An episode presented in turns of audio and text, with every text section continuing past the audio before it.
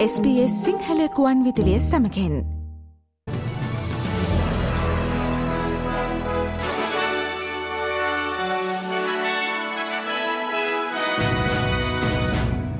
අද පෙබරවාරි මස විසි හත්වනදා SBS සිංහල පුවත් ගෙනන මම කවින්දයා උමයංගනී චන්ද්‍රසෝම. වඩාත් ව්‍යසනකාරී කාලගුණික තත්ත්වයන් සඳහා වික්ටෝරයා ප්‍රාන්තය ප්‍රවේශවන බැවින් පුද්ගල මරණ වලක්වා ගැනීම සම්බන්ධයෙන් වික්ටෝරයා ප්‍රාන්තයේ ගිනි නිවන භටයන් අවධානය යොමුකොට ඇත. මෙම සතිය මැදවන විට වික්ටෝරයා ප්‍රාන්තයේ කාලගුණික දිස්ත්‍රික්ක නවයෙන් හයකට උග්‍ර ලැවගෙන අවධානමක් ඇතිවිය හැකි බව පුරෝකතනය කොට ඇත. හෙට දිනයේ විමේරා කලාපයේ ලැවගිනි අවධානම ශ්‍රේණිගත කිරීමේදී එය ව්‍යහසනකාරී තත්ත්වය දක්වා ඉහළ නංවා තිබේ. ප්‍රාන්තයේ බොහෝ ප්‍රදේශයන්හි උෂ්ණත්වය අංශක හතලිය දක්වා ඉහළ යනු ඇතැයි අපේක්ෂා කරන අතර පැයට කිලෝමීටර් හතලිස් පහ දක්වා වූ තද සුළංද අපේක්ෂා කෙරේ. ස්ටේට් කන්ට්‍රෝල් සෙන්ටර්හි ලූක් හෙගාටි ABC මාධ්‍ය වෙත පවසා ඇත්තේ කල්තියා සූදානම්වීම වැදගත් බැවින් ඔවුන් ජනතාවට ඔවුන්ගේ ගින්දර සම්බන්ධ ආරක්ෂක පද්ධතියෙහි ගුණාත්මක භාවය තහවුරු කර ගැනීමට දිරිගන්වන බවයි.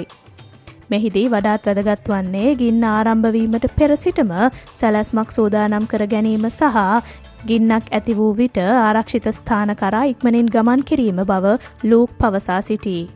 So we're encouraging people to really reconfirm their fire plan, make sure that they've checked it, make sure that they've made a decision now because the most important thing is making a decision before a fire starts and moving to a safer place.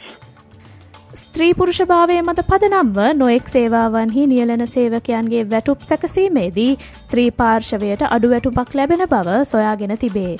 පතල් කැනීම් විදුලි බල සැපයුම ජලය සහ අපද්‍රව්‍ය සේවා සහ මූල්‍ය හා රක්ෂණ සේවා කර්මාන්තවල සේවකයන්ගේ සියයට අනුවක් හෝ ඊට වැඩි පිරිසකට මේ ලෙස වැටුප් විෂමතා පවතිී.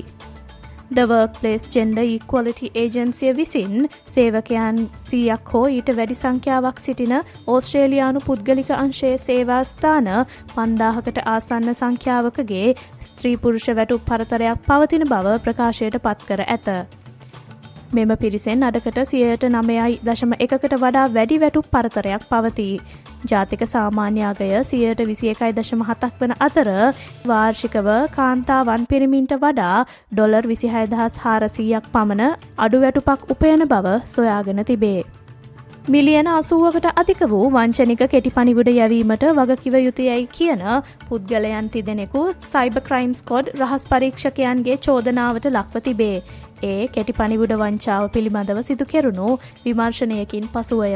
වංචනික ලෙස තොග කෙටි පනිවිඩ යැවීමට භාවිතා කරන ග්‍රාහක අනන්‍යතා මොඩියෝලය නම් වූ විද්‍යුත් උපාංගය භාවිතය පිළිබඳ සයිබ ක්‍රයිම්ස් කොඩ් විසින් පිහිටුවන ලද ස්ට්‍රයික් ෆෝස් කැන්බි හරහා විමර්ශනයක් සිදුකොට ඇත. කෙටි පනිවුඩ සාමාන්‍ය නීත්‍යානුකූල ආයතනයකින් නිකුත් කළ ආකාරයට පෙනුනද ග්‍රාහකයා ව්‍යාජවෙබ් බඩවියකට යොමු කරවන වංචනික ලිංක් එයට අන්තර්ගත කොට ඇති බව වාර්තාවේ. ඕස්ට්‍රේලයානුවන් මිලියන හතරෙන් පංගුවකට අධික පිරිසක් හාට් වැල්් ඩිසිස් හෙවත් හර්ද කපාට රෝගෙන් පෙළෙන බව නවතම වාර්තා පෙන්වා දෙයි. දෙදහස් පනස්සක වන විට හර්ද කපාට රෝගෙන් පෙළෙන පුද්ගලයන් සංඛ්‍යාව හාර ලක්ෂ තිස් පන්දහස දක්වා ළඟාවනු ඇතැයි හාටස් ෆොහාත් සංවිධානය මගින් සොයාගෙන ඇත. හර්ද කපාට රෝගය යනු ජීවිතයට තර්ජනයක් වන රෝගයක් වන අතර එහි රෝග ලක්ෂණ ලෙස හුස්මහිරවීම හර්ද ස්පන්දනය තමන්ටම දැනීම සහ තෙහෙට්ටු ස්භාවය පෙන්වාදිය හැකිය. ෆෙඩරල් පාර්ලිමේන්තු මන්ත්‍රී මරයා වැම්වකිනෝ පවසන්නේ මෙම ගැටලුව සම්බන්ධයෙන් ඔස්ට්‍රේලියාවේ විවිධ සංස්කෘතිීන්ට අයත් ප්‍රජාවන් දැනුවත් කිරීමේ හිඟයක් පවතින බවයි. සංක්‍රමිනික ප්‍රජාවන්ගේ විශාල සංඛ්‍යාවක් ඉංග්‍රීසි භාෂා කුසලතා නොමැතිකම හෝ එම ප්‍රජාවන් විශේෂයෙන් ඉලක්ක කර ඇති දැනුවත් කිරීමේ වැඩසටහන් නොමැතිකම නිසා මෙම රෝගය සම්බන්ධ නොයකුත් දෑ පරිශීලනය කර නොහැකි බව ඇය පවසයි.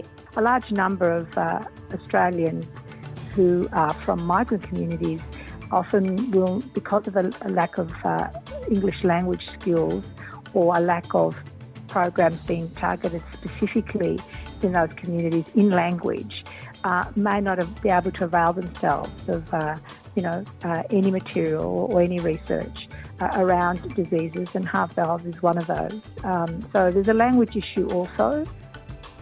ශ්‍රී ලංකාවෙන් වාර්තාාවන පුවත් අද මෞවිබෙන් පුවත් විශේෂාන්ගයෙන් බලාපොරොත්තු වන්න.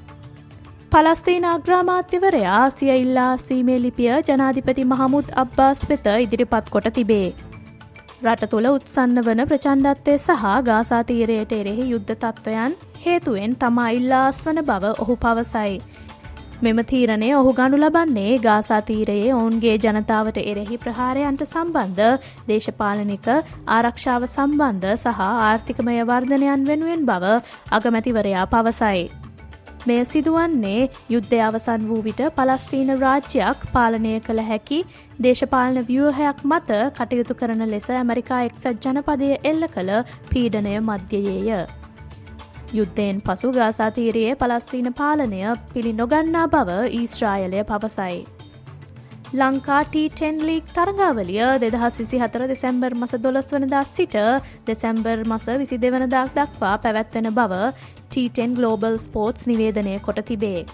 ප්‍රථමයෙන් දෙදහස් විසිතුන වසරේ පැවැත්වීමට සැලසුම් කර තිබූ මෙම තරඟාවලිය මේ වන විට දෙදහස් විසි හතර වසරේ දෙසැම්බර් මාසේදී පැවැත්වීමට නියමිතයි.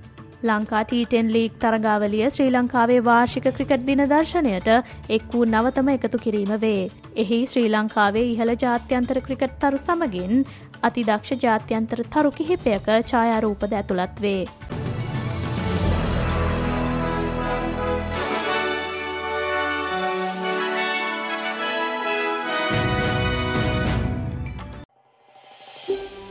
මේ වගේ තවත්තොරතුරු දැනගන්න කැමතිද. එහමනම් Apple podcast Google podcast Spotify ඔබගේ පොඩ්කාස්ට ලබාගන්න ඕනෑම මාතයකින් අපට සවන්දය හැකේ.